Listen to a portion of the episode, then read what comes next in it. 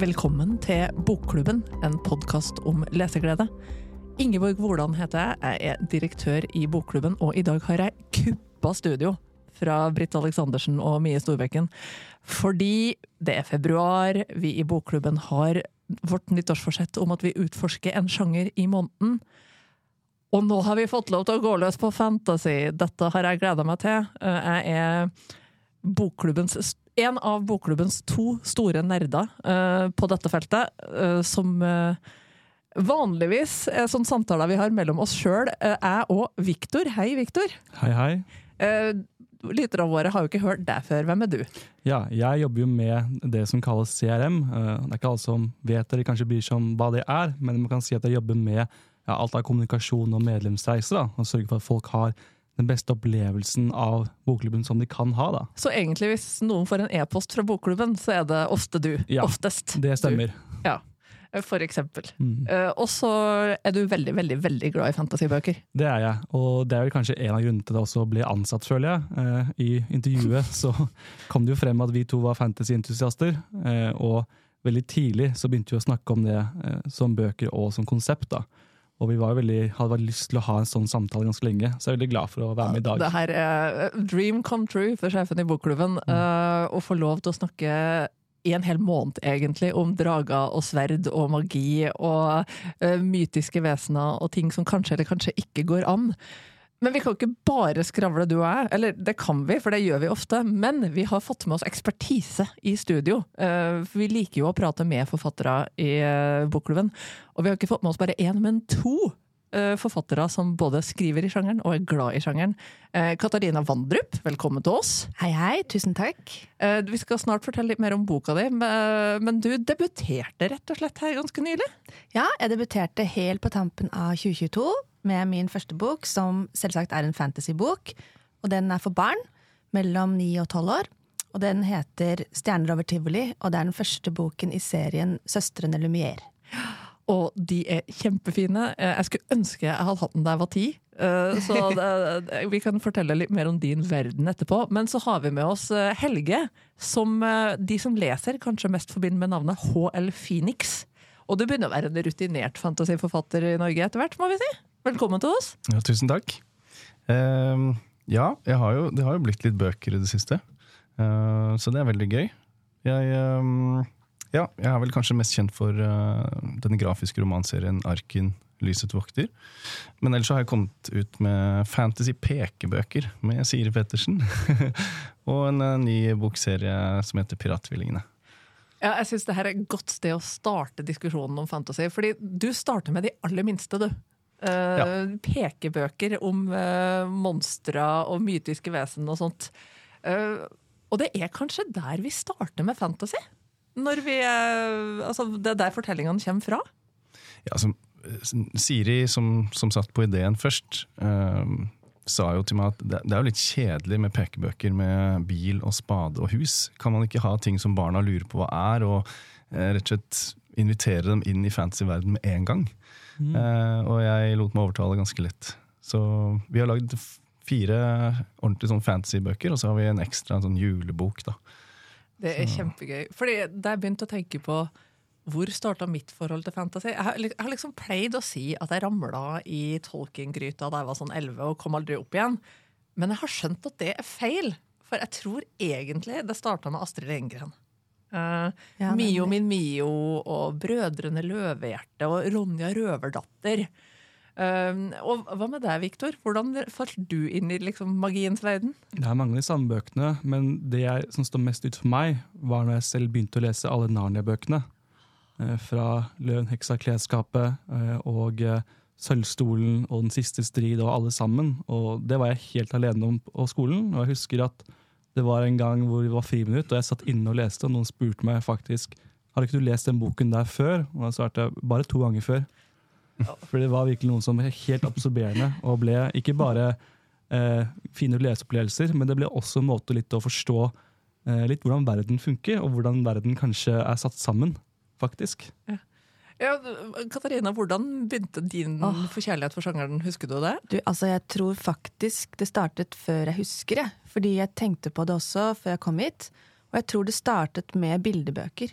Og jeg tror det startet med blant annet Til Huttetunes verden av Sendak.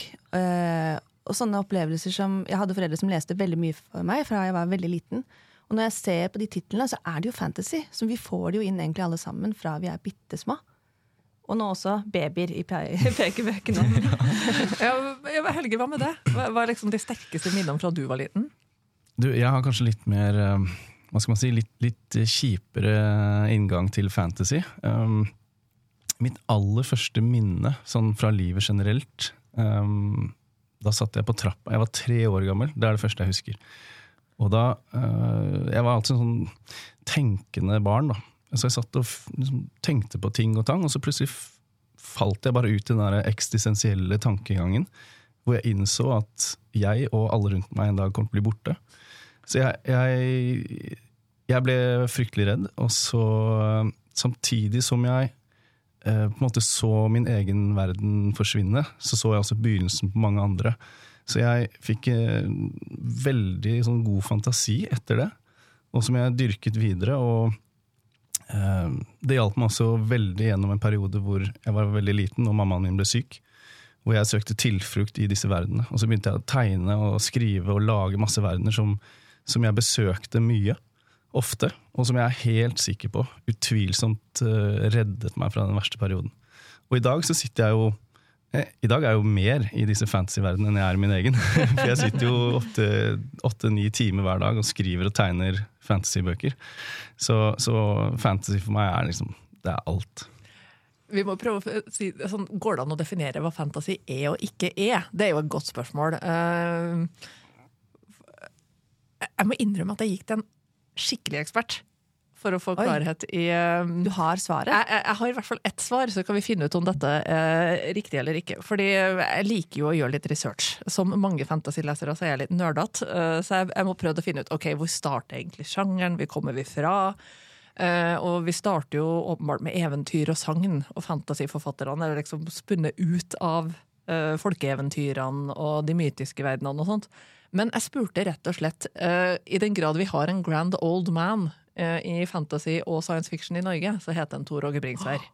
Eh, som en del av oss er vokst opp med f.eks. bøkene om sjøormen Ruffen. Som jeg jo heller ikke hadde tenkt over at var fantasy for barn, men det var det jo. Jeg elska de bøkene da jeg var liten. Så jeg sendte han en e-post, for han har jo da i en eh, alder av ja, godt opp i åra, for å si det pent, eh, så er han i ferd med å debutere som ungdomsbokforfatter i vår. Eh, Han har nettopp kommet med et nytt voksen-fantasy-eventyr, eh, og han har jo siden 60-tallet vært en av de to, sammen med Jon Bing, som liksom brakt fantasilitteratur, eller la oss kalle det fabelprosa, for det var det ordet de brukte på 70-tallet, det syns jeg er litt fint, inn i Norge. Og så spurte han er det f.eks. mulig å skille mellom fantasy og science fiction. Altså, for det er en sånn Mange tenker at det er litt sånn én sjanger og litt sånne ting. Og så skriver hun til meg ja. Science fiction handler om rare ting som kanskje kan skje en dag. Mens fantasy handler om de rare tingene du vet ikke kommer til å skje. Eh, Og det syns jeg var ganske stilig. Altså Det handler om alt som kan konstrueres i fantasien, fantasien din og i parallelle verdener, og der hvor du bare må drømme opp hva som er logikken og sånt. Jeg, syntes det var en ganske fin definisjon. Hva syns du, Viktor? Jeg er helt enig. Og vi har snakket mye om akkurat det spørsmålet frem og tilbake. og vi tror vi alle blir helt enige før den kom på bordet. Vi snakket jo lenge om er sci-fi noe om ja, det som eh, kanskje kan være mulig, og som er, sier noe om samfunnet i dag. Sier fantasy om samfunnet før? Er det noe som snakker om det interne versus det eksterne? Men det å si det der, da, at fantasy er så langt fantasien kan strekke seg, og science fiction handler mer om eh, hvor lang tid i fremtiden vi kan gå, det syns jeg er en fin måte å si det på. Og Jeg har tenkt også mye på det å si hvor starter fantasy eh, for oss. Og jeg har også gått eh, lenger tilbake til eventyrene og til mytologien for å tenke over dette. Fordi jeg vet det er mange folk eh, Når jeg som, som tenker mye på kundene våre og medlemmene våre, prøver jeg å finne ut hvor skal man starte å lese. Og de aller fleste av oss har jo lest ting som Harry Potter og lignende, og vet at det er ganske stuerent for de fleste.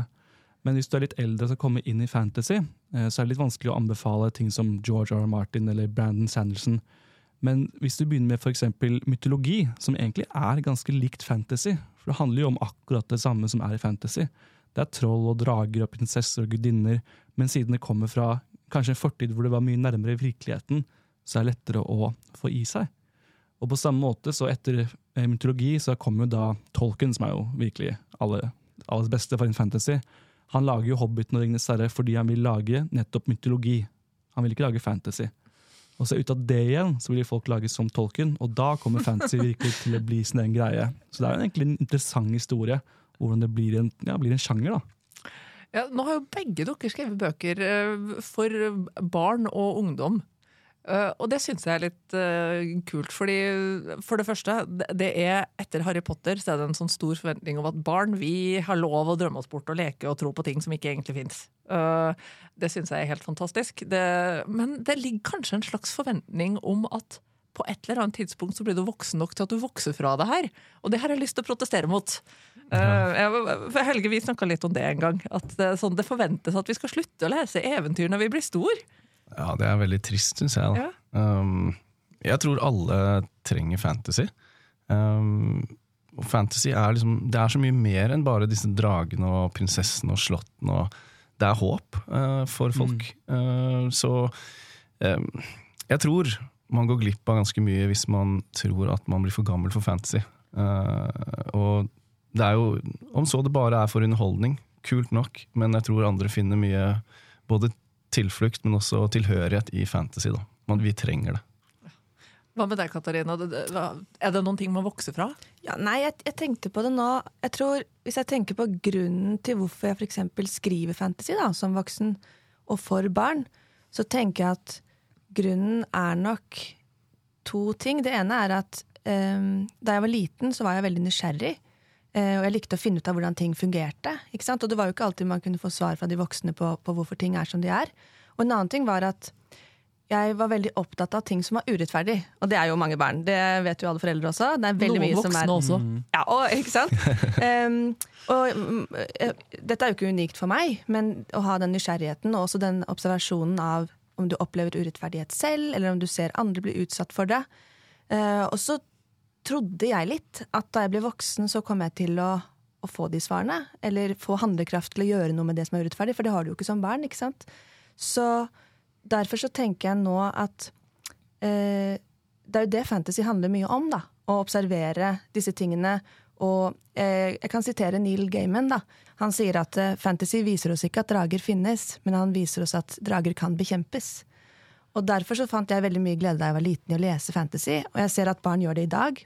Og en annen ting er jo det at um, Og derfor trenger voksne også å lese fantasy, for vi trenger også den trøsten. Uh, særlig når man ser på verden i dag.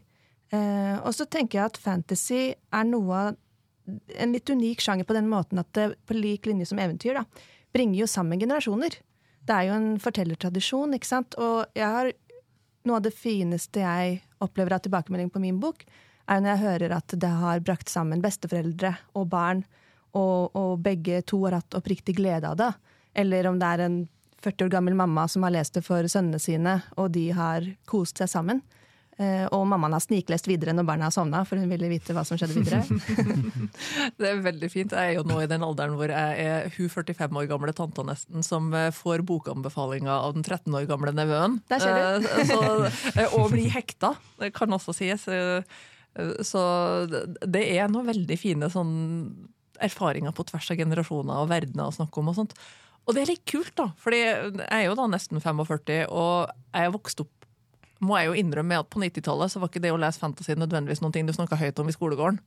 eh, kanskje med unntak av Margit Sandemos 'Sagaen om isfolket', som jeg jo også vil hevde at er en form for fantasy. Uh, som jeg leste da jeg var 13 og 14 og lånte bort til alle venninnene i klassen. liksom. Men det, det, var liksom grensen for hvor Jeg tror de slutta der, og jeg ramla inn i tolken. Uh, men det var veldig lenge sånn at uh, fantasy, det var for nerds. Det var virkelig ikke det, det som var det mest stuerene å snakke om at du, du leste, liksom.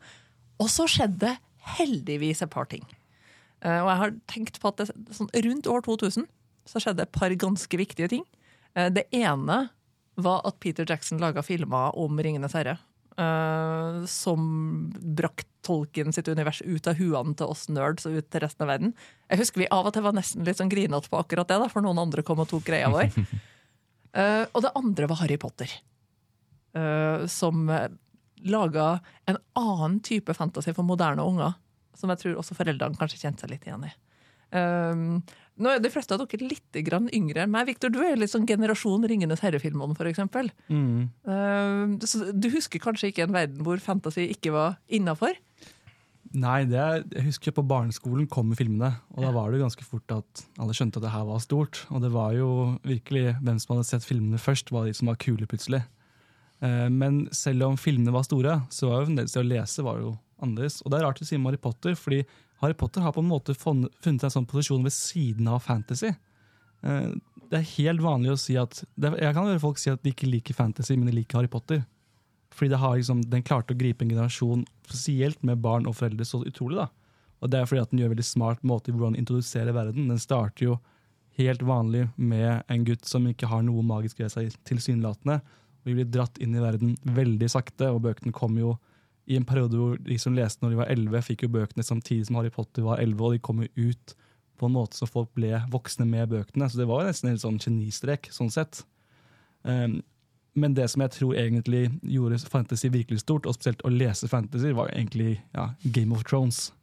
Som på det forrige, på 2010-tallet tok jo virkelig over hele verdens um, sightgeist i forhold til ja, både medie, uh, TV-serier og lesebøker. Og da plutselig var det å lese bøker veldig kult. Og det er forskjellen.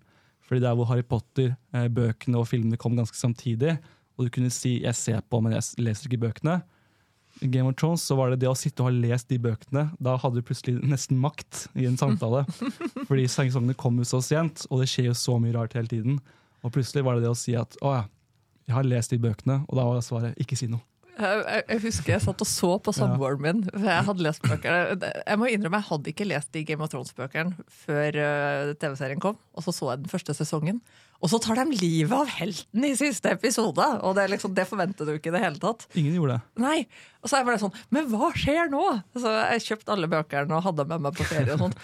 Så da jeg omsider fikk samboeren min hekta på serien, Eh, og satt der og venta på liksom, eh, det blodige høydepunktet i tredje sesong, i det bryllupet hvor alle tar livet av alle. Det var så deilig å sitte og være på innsida. Det Er kanskje litt av det det går i av og til? Også å være eh, en del av det, liksom det kollektivet som skjønner greia? Ja. ja, men altså, det jeg syns er så rart når folk sier at uh, fantasy er for nerder og sånne ting, så tenker jeg da, da har det vært veldig mange nerder overalt. Fordi barn liker fantasy med selvfølgelig noen ytterst få unntak.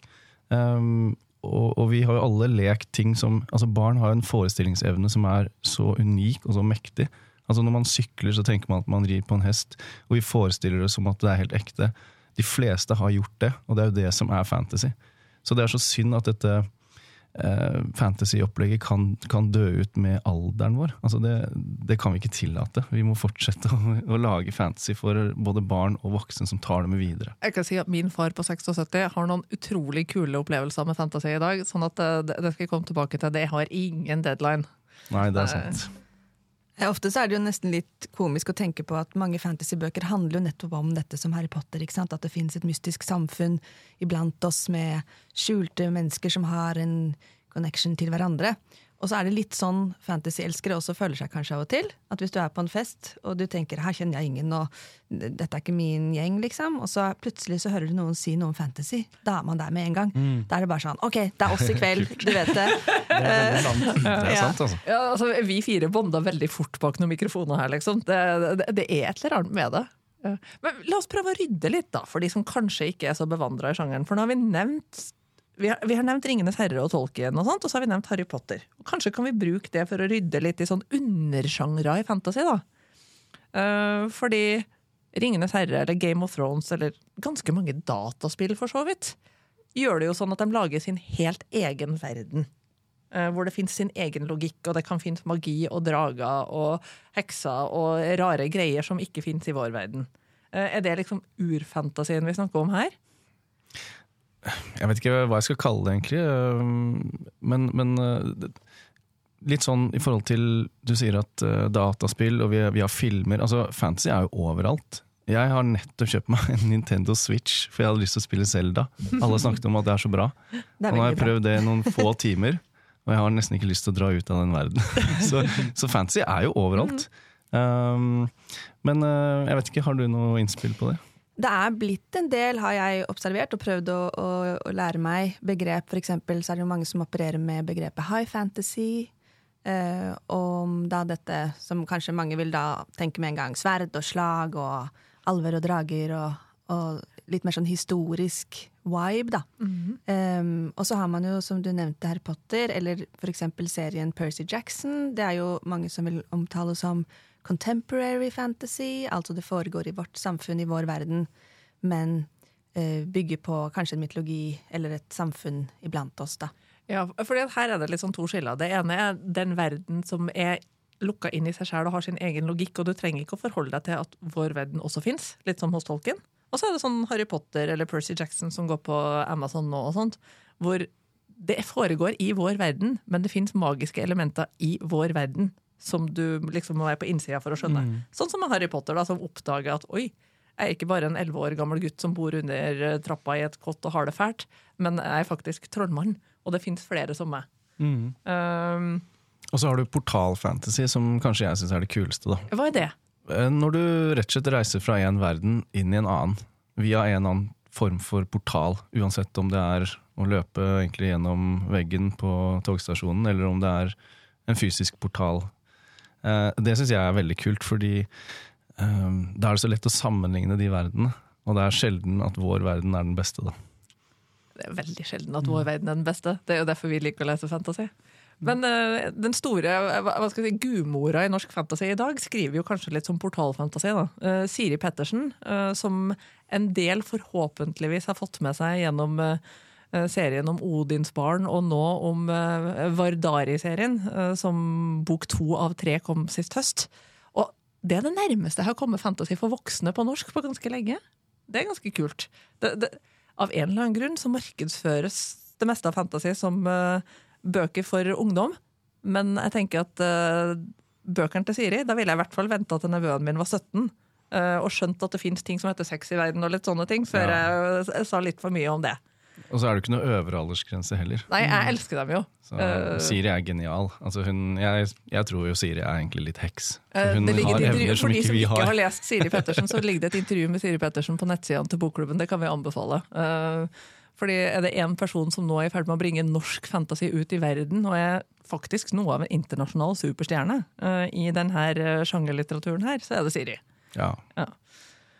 Oh, og hun men, er en stor inspirasjon også. Ja. Altså, hun er utvilsomt en av mine største litterære inspirasjonskilder. Og jeg ser jo veldig opp til henne. Uh, hva hun har fått til, er helt vilt. Ja, men Jeg satt jo og lurte litt på det, da, fordi når jeg begynte å tenke over norske fantasyforfattere i dag, og litt sånne ting, og så sitter jo dere to her, og så nevner vi Siri, og så har vi nevnt Tor Åge Bringsvær. Men det begynner faktisk å finnes en ganske stor gruppe norske fantasyforfattere. Har dere en klubb? Krimforfatterne har jo Riverton-klubben, men fins det en klubb for fantasyforfattere? Ikke nødvendigvis forfattere, men er med, jeg er medlem av en gruppe på Facebook som heter Fantasy og Science Fiction-bøker. Og den er veldig kul. Og Der er det flere tusen medlemmer. Både forfattere, lesere, folk som elsker fantasy. Og det er det lille samfunnet som vi nevnte litt i stad. Så det anbefaler jeg at folk går inn og melder seg inn, for det kommer veldig mye hyggelige, morsomme, fine poster der hver eneste dag. Ja, Det er min erfaring med fantasyfolk, at det er så utrolig hjertevarme, inkluderende folk. da. Så det, Man er vant til å tenke på at folk virker forskjellige og er forskjellige. For det er litt sånn det er innenfor fantasy også. Ja, og fantasyelskere er jo som jeg liker å tenke, det er vi som fortsatt tror på magien, da. Så Det var et fint sitat. Det må jeg bruke til et eller annet. Men, Katarina, vi må fortelle litt mer om søstrene Lumière og den verden yeah. du har skapt. Uh, hvem er de? Ja, altså Søsteren Lumière-serien det foregår i en verden som består av to riker. Når man snakker om verdener, så er det da en verden med et land, da, med, hvor det er et ganske gammeldags uh, samfunn. Uh, men de har magiske krefter som heter luminescens. Og Derfor har de rett og slett ikke gått gjennom noen teknologisk utvikling, for de har ikke hatt behov for det. Uh, men ved siden av så ligger nabolandet Grim, der deres fiender bor, menneskene. Og de har ikke magiske krefter, og har derfor trengt denne teknologiske utviklingen. Og de tre hovedpersonene Liv, Klara og Hjerta det er tre søstre som kommer fra dette magiske riket. Og de er intet mindre enn prinsesser. Og på starten av historien så har de forvillet seg langt inn i dette menneskeriket, eh, og må finne veien hjem alene, og har mistet sine evner. Så for å finne veien hjem så må de reise gjennom menneskeriket og forkle seg som mennesker. Eh, for i menneskeriket er det krig, og de er ikke særlig begeistret for dette folkeslaget som disse jentene er. Eh, og på veien så møter du da for første gang teknologi. Og også kanskje noen nye venner. Jeg syns jo det er så gøy, fordi når jeg leste 'Søstrene Lumière', så tenkte jeg på at for dem så var jo teknologi magisk. Ja. Eh, og, og, og det er veldig kult. Det, Mm. når du kommer i det fra en liksom, annen vinkel, at det, det du er vant til, at du har krefter, da er jo teknologi helt vilt. Og jeg ser jo på dette, Denne boken er jo egentlig en liten slags uh, min lille melding til også barn i dag. Fordi jeg jobber jo med film, og da jobber jeg jo med teknologi. Og jeg er veldig engasjert i det, og jeg elsker TV-spill. Jeg ser at barn i dag, de, det er deres magi.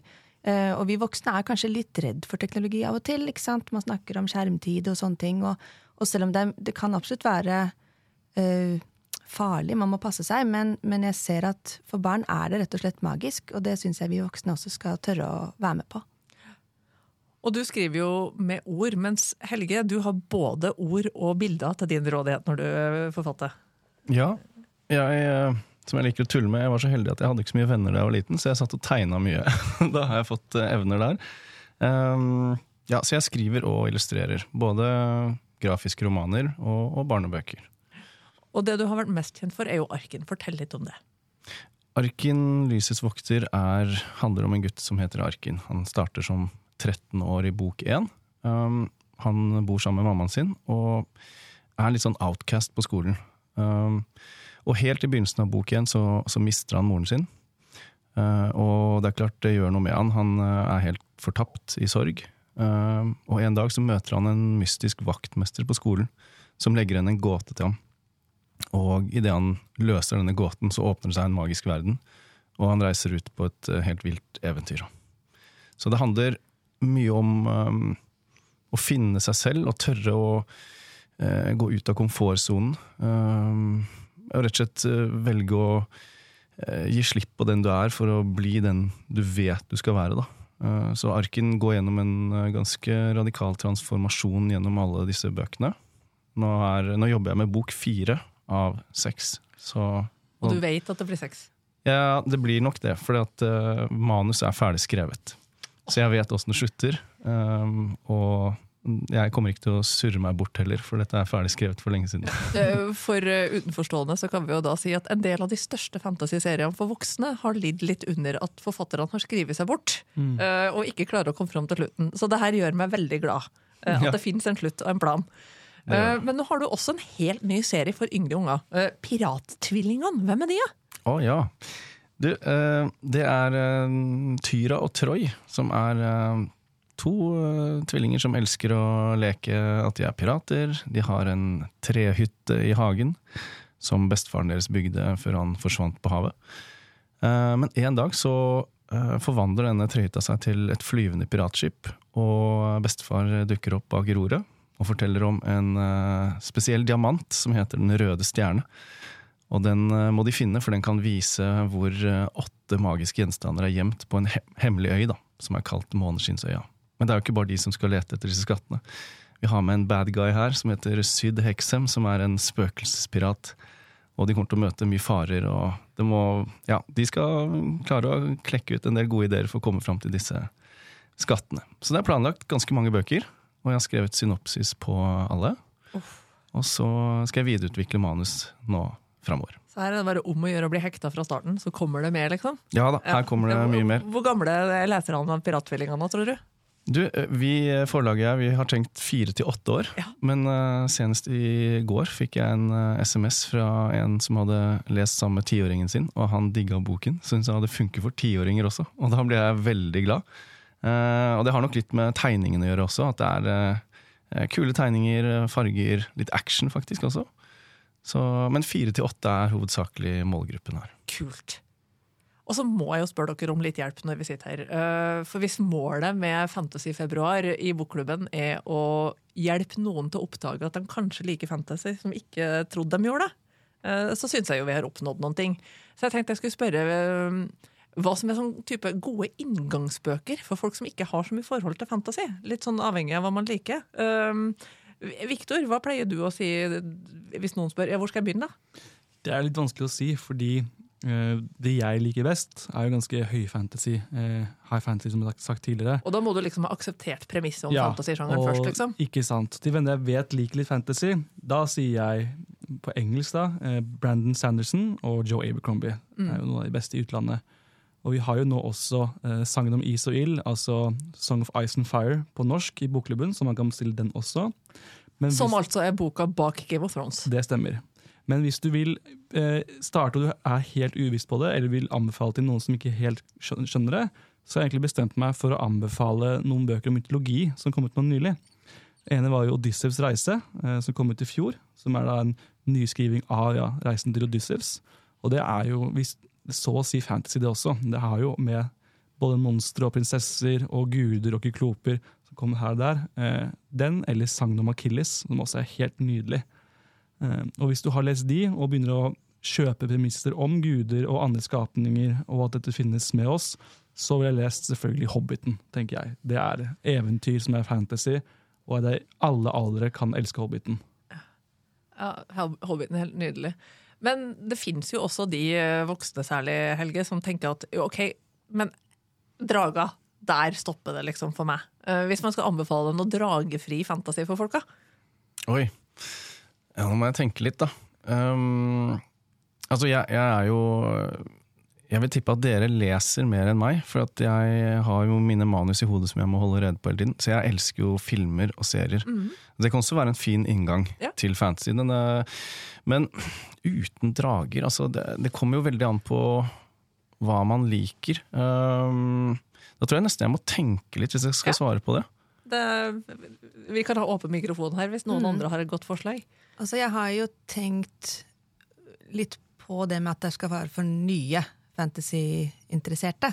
Og hvis du er voksen da, så vil jeg anbefale en bok som hittil bare fins på engelsk, som heter A River in Enchanted Oi, det kjenner jeg ikke. Eh, av Rebecca Ross. Fordi den er Det er absolutt fantasy, og det handler om magi. Det handler om blant annet magi i musikk. Det handler om, I likhet med min bok To riker, og det er krig. Um, men plottet dreier seg rett og, rundt, rett og, slett rundt et samfunn der det begynner å forsvinne barn. Og de, dette samfunnet mistenker at det er da det andre riket, altså fiendene, som har begynt å stjele barn. Og for å finne ut av hva som har skjedd, så må de spørre ånder, naturånder med magiske krefter om hjelp til å finne ut hvor er det blitt av barna. Um, så der er det ingen drager og, og ikke noe, noe, Det er litt, litt utradisjonell. Det høres nesten ut som en historisk bok. Ja, og Det er jo veldig kult, fordi veien fra fantasy til historisk roman er kanskje ikke så lang av og til. Så jeg tenker jo også at uh, du kan starte med vikingtida. Mm. Eksempel uh, Jomsvikingbøkene eller det tilsvarende sånn bøker som tar oss inn i vår egen fortid. Fordi hvis du først liker det, eller Bernard Cromwell sine bøker om England i middelalderen og sånt, da er veien ganske kort inn i retning Game of Thrones eller den type ting. Mens hvis du kanskje liker mer krim eller thriller eller sånne ting, så kanskje du kan prøve Altså, Svenskene har en forfatter som heter Jon Ajvide Lindqvist. Nå kommer snart uh, filmen 'Håndtering av udøde'. Um, og den boka er jo en altså, håndtering av udøde, og også la den rette komme inn, er jo ja, litt sånn horrorovergang til uh, Hvis du i det minste kan akseptere at det fins ånder eller spøkelser, uh, men ikke en eneste drage, da er, da er, du i nærheten av fantasi, kanskje. Ja. Uh, så Lindqvist er, kanskje, er, også kanskje en inngangsport for enkelte. Mm. Jeg vil også si Samtidig som man snakker om serier og eh, bøker sammen, så syns jeg at Mørk materie, Philip Pullman, Det gylne kompasset, kan være en god inngang. For da har du ikke drager. Du har en veldig enkel, magisk eh, virkelighet, hvor det er alle mennesker har et form for nesten si kjæledyr som er bundet til dem, og som representerer hvem de er som person. Men det er for øvrig også den eneste magien som finnes. Det finnes mer magi som kommer inn veldig gradvis og veldig enkelt å spise, men det kommer ingen drager. Og etter hvert så eh, utvikles denne verden mer og mer, men det føles ikke ut som at du må kjøpe et stort premiss på utsiden. Det føles som ting kommer gradvis. Og den kan du både lese, og du kan se serien samtidig. Ja, nå har jeg kommet på uh, to bøker som som jeg likte veldig godt. uh, som jeg er ganske sikker på ikke er noe særlig drager i. Uh, og det er mer sånn eh, tegneserie for voksne, som også kan være en fin er inngang. Eh, Spawn, serien av uh, McFarlane. Det er ganske hardcore voksen tegneserie med magi, og den er Altså, du klarer ikke å legge fra deg bladene. Og nå, serien er jo ferdig laget for lenge siden, så du kan kjøpe deg ganske mange blader. Eller så har du min favorittserie, som er Battle Chasers av uh, Madureira. Det er, det, er det, det er de villeste tegningene som kan lages, og historien er helt spinnvill. Eh, så det anbefaler jeg. Og hvis man da tåler litt drager, så anbefaler jeg Vox Machina. Det er en uh, fantasyserie som spesielt for rollespillelskere. Altså det, det, er, det er det kuleste jeg har sett noen gang. Det er utvilsomt for voksne. Eh, Det er 18 pluss. Men dialogen, det som skjer der altså det, Du kommer til å binge serien med en gang. Du kommer til å kjøre inn en egenmelding på jobben dagen etterpå. For det, det, er, det er ikke mulig å legge det fra seg. Det er det beste jeg har sett noen gang. Det er kjempekult. Og så slår det meg jo når vi sitter her og snakker at det finnes jo veldig mye sånn høylitterære, anerkjente forfattere som skriver litt sånn i grenselandet til at det skjer et eller annet litt overnaturlig eller noe magisk eller et eller annet. Lars Mytting eh, med Hekneveven-trilogien og sånt knytter seg liksom til folketro og overnaturligheter og huldra og sånne ting. Eh, Og Murakami eh, er jo ofte inne i liksom nærheten av at Skjer det her i drømmer, skjer det i huet mitt, eller skjedde det faktisk et eller annet som ikke burde være i stand til å skje nå? Um, så det er jo mange sånn inngangsporter. Hvis du liker Murakami, så tror jeg kanskje jeg ville ha testa Neil Gaiman. Eh, eller hvis du liker mytologi, så det å gå videre på engelske Neil Gaiman, som har skrevet eh, de norrøne og de nyere gudeskikkelsene inn i vår verden, det er jo kjempegøy. Og så nevnte jeg jo min far eh, i sted. For min far er jo av generasjonen som er vokst opp med Monty Python og britisk humor og sånt. Og da finnes det en gateway drug til fantasy, og den forfatteren heter Terry Pratchett. Har noen av dere et forhold til Terry Pratchett? Jeg skulle akkurat til å si at Det er viktig å huske på at fantasy ofte er veldig morsomt. Altså Det er veldig gøyalt å lese. Det er ikke nødvendigvis eh, bare alvor og ut og slåss mot ja, drager. Og Terry Pratchett er jo en av de som bruker mye humor. Ja, det, må være lov å ha det litt gøy. Men la oss nå avslutte, da, eh, som vi alltid gjør i Bokklubben, med å spørre hva leser du sjøl nå? For jeg synes det også er en sånn god take på at mange av oss er veldig allsidig i hva vi leser. Katarina, hva leser du? Akkurat nå så holder jeg på å skrive på oppfølgeren til eh, boka mi, så derfor så er jeg litt varsom med å lese, fordi da kan det plutselig hende at det blir mer lesing enn skriving. Men hva har du liggende til du er ferdig? Eh, Jeg har en eh, Jeg pleier å si jeg har ikke en bunke med bøker jeg har tenkt å lese. Jeg har faktisk en sånn svær tralle med bøker som jeg har planlagt å lese. Så nå har jeg sørget for å låne bort så mange som mulig til vennene mine, sånn at de kan eh, både få glede av fantasybøker, men også at jeg slipper å tenke på de. Men jeg har en bok som ligger nå, og det er faktisk en annen bok av Rebecca Ross, som jeg nevnte i sted. Og det er en bok som heter eh, Ruthless Wows, som er en oppfølger. eh, Som eh, er eh, litt som du nevnte i sted, det er fantasy uten at magien er så tydelig i plottet. Det handler egentlig om to krigskorrespondenter som er journalister ved fronten, og som skriver brev til hverandre på en magisk eh, skrivemaskin. Um, og det kan også egentlig være en bra inngangsport til de som vil lese mer fantasy. Det hørtes kjempegøy ut, så den vil jeg notere med. Uh, Helge, leser du noen ting, eller bare skriver du? Jeg leser litt, men jeg har, øh, jeg har utfordringen at jeg sovner når jeg leser. Så da jeg studerte, så gikk jeg mens jeg leste. Um, så hvis jeg leser på senga, da, så sovner jeg ganske fort. Men um, jeg fullførte Can't Hurt Me uh, for ikke så lenge siden. Um, av David Goggins. Uh, ikke fantasy, men allikevel fantastisk. Men nå leser jeg, nå har jeg startet på nytt, jeg tror jeg har lest den fem ganger, uh, The Way of the Peaceful Warrior av Dan Millman. Og det vil jeg si er sånn i grenseland fantasy, men det er, det er ikke en sjang, altså, det er ikke fantasy-sjanger. Det er en novelisert eh, beretning av livet til Dan Millman, som lever fortsatt. Men den er så unik, og den er så fin, og den anbefaler jeg alle å lese, uansett sjanger. Så kult. Viktor, hva med deg? Jeg leste um, nå nylig en serie som, het, eh, som var veldig fantasy. da, for å gå dit. Det var en som het Powder Mage Trilogy, som var fantasy satt i et slags alternativ Europa eh, under napoleonskrigene, på en måte, hvor det fantes magikere som kunne kontrollere krutt. Og det syns jeg var veldig morsomt. For det var nesten en slags sånn wanted-film med folk som kunne bøye kuler og eksplodere det, samtidig som det fantes annen type magi, og det var en slags sånn oppgjør mellom ny og gammel magi. Og det syns jeg var en veldig fin twist.